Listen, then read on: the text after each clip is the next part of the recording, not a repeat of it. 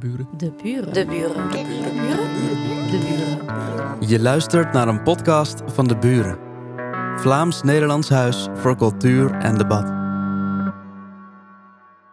Anne, Anne Schepers, voilà staat er al, is schrijver en haar debuutroman ehm, De Daden verscheen dit jaar bij Lebowski Publishers. En hierin haalt een jonge journaliste haar banden met haar familie in sociaal-economisch achterstelde wijk terug aan. Maar ik vind dat ik deze bio eigenlijk achterwege mag laten, want zij gaat zichzelf heel, heel mooi eh, introduceren. En eh, ja, voor de rest moet ik niet veel zeggen. Anne.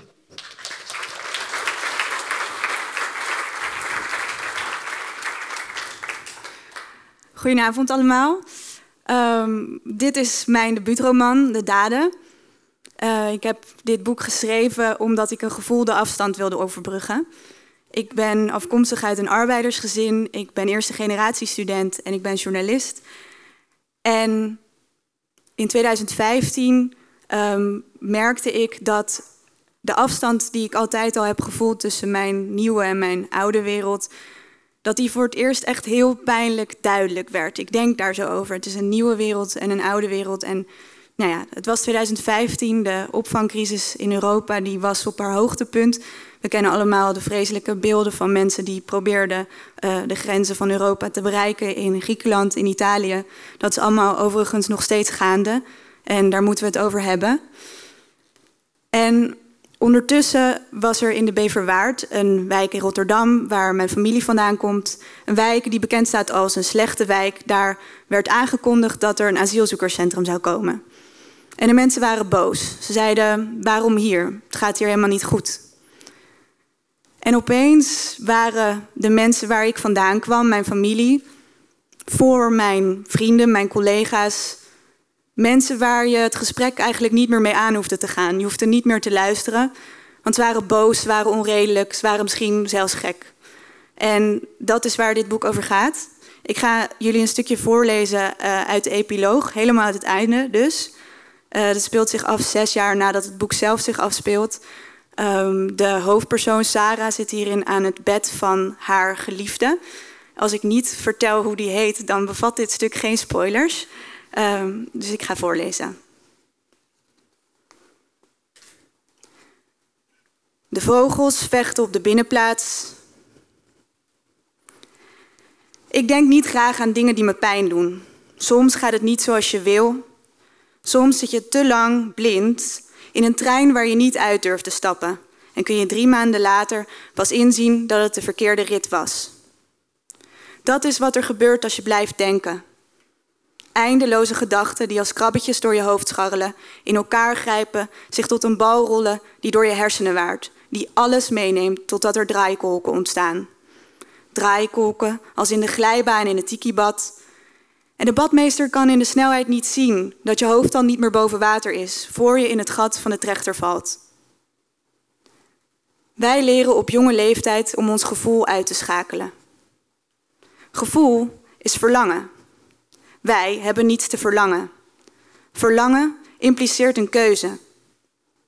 Maar wij kiezen er niet voor om bij onze buren gedropt te worden, waar we saté uit plastic knijpzakjes eten die twee minuten in kokend water hebben gestaan. En onze moeders kiezen er niet voor te gaan werken, hun kinderen bij de buren te laten meeeten omdat er geen geld is voor avondeten. En wij kiezen er niet voor onze vaders te verliezen voor we ze kunnen leren kennen, omdat ze werken op plekken waar ze elke dag gifstoffen inademen. We kiezen er niet voor om in werkloosheid te blijven hangen, terwijl we andere banen niet kunnen oppakken omdat we niet aan de regels voldoen. Wij kiezen er niet voor om alleen hoog te kunnen vliegen zonder vangnet. Snap je dat, je dat we dit niet kiezen? Hoe armer je bent, hoe groter de invloed die beleid op je heeft. Beleid is leven of dood voor ons. Wij kiezen er niet voor hier weggestopt te worden, we zijn hier weggestopt. Politici en beleidsmakers maken beelden die wij niet herkennen en maken dan keuzes. Ze gooien steen in het water, het water rimpelt, het blijft rimpelen. Het beleid blijft doorkiezen. Het koos ervoor ons hier weg te stoppen. Het koos ervoor ons als fraudeurs te bestempelen wanneer we niet voldoen aan een vakje in een digitaal systeem. Het koos ervoor zo hard te snijden in de zorg dat de ouderen in het bejaardentehuis uren moesten wachten tot iemand van het toilet kwam halen. Het koos ervoor onze woningen te slopen en ons verder en verder de stad uit te drijven. Het koos ervoor dit in te stellen op het moment dat de laatste golf van een crisis ons nog in het gezicht sloeg. We onze banen verloren, we onze winkels zagen sluiten. En toen we het aankaarten, toen werd er op achterhoofden gekrapt, werd er gezegd: Oh, wat gek dat dit zo werkt. Ja, wij hebben er geen last van. Het, het ligt vast aan jullie. Maar we zullen het uitzoeken. Hier is een vraag aan jullie. Waarom moeten we altijd de allerarmste hebben?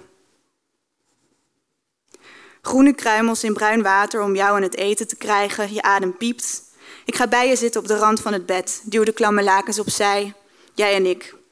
Wat hebben wij gedaan? Wat hebben we kunnen doen? Het asielzoekerscentrum kwam naar de wijk. Een jaar na de inspraakavond stond het er, een klinische witte keten op het niemandsland voor de snelweg. Eerst zagen we niemand, toen zagen we een tijd lang de jongens die autoruiten insloegen, laptops stalen, toen gingen ze weer weg. Orders van de burgemeester. We leerden wat de term veilige landers betekende. Wij zagen bussen vol asielzoekers naar het registratiebureau rijden en we wisten niet dat ze daar alleen geregistreerd werden en dat ze niet naar het AZC gingen. We dachten, kijk nou, kijk nou hoeveel vluchtelingen hier elke dag aankomen. En weet je wat het was?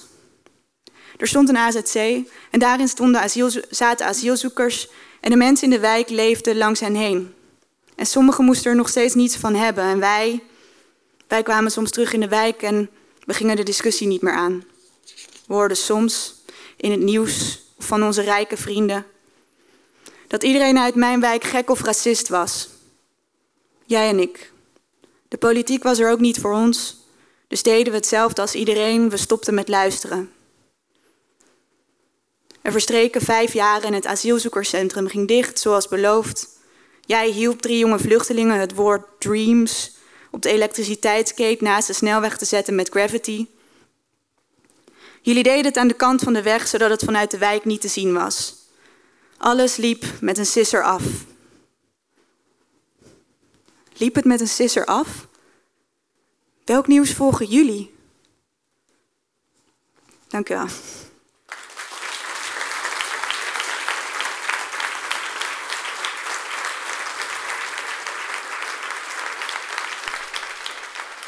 De buren. De buren. De buren. De buren. Je luisterde naar een podcast van De Buren. Vlaams-Nederlands Huis voor Cultuur en Debat. Benieuwd naar meer? Luister ook naar onze andere verhalen en registraties. En ontdek ons podiumprogramma op deburen.eu.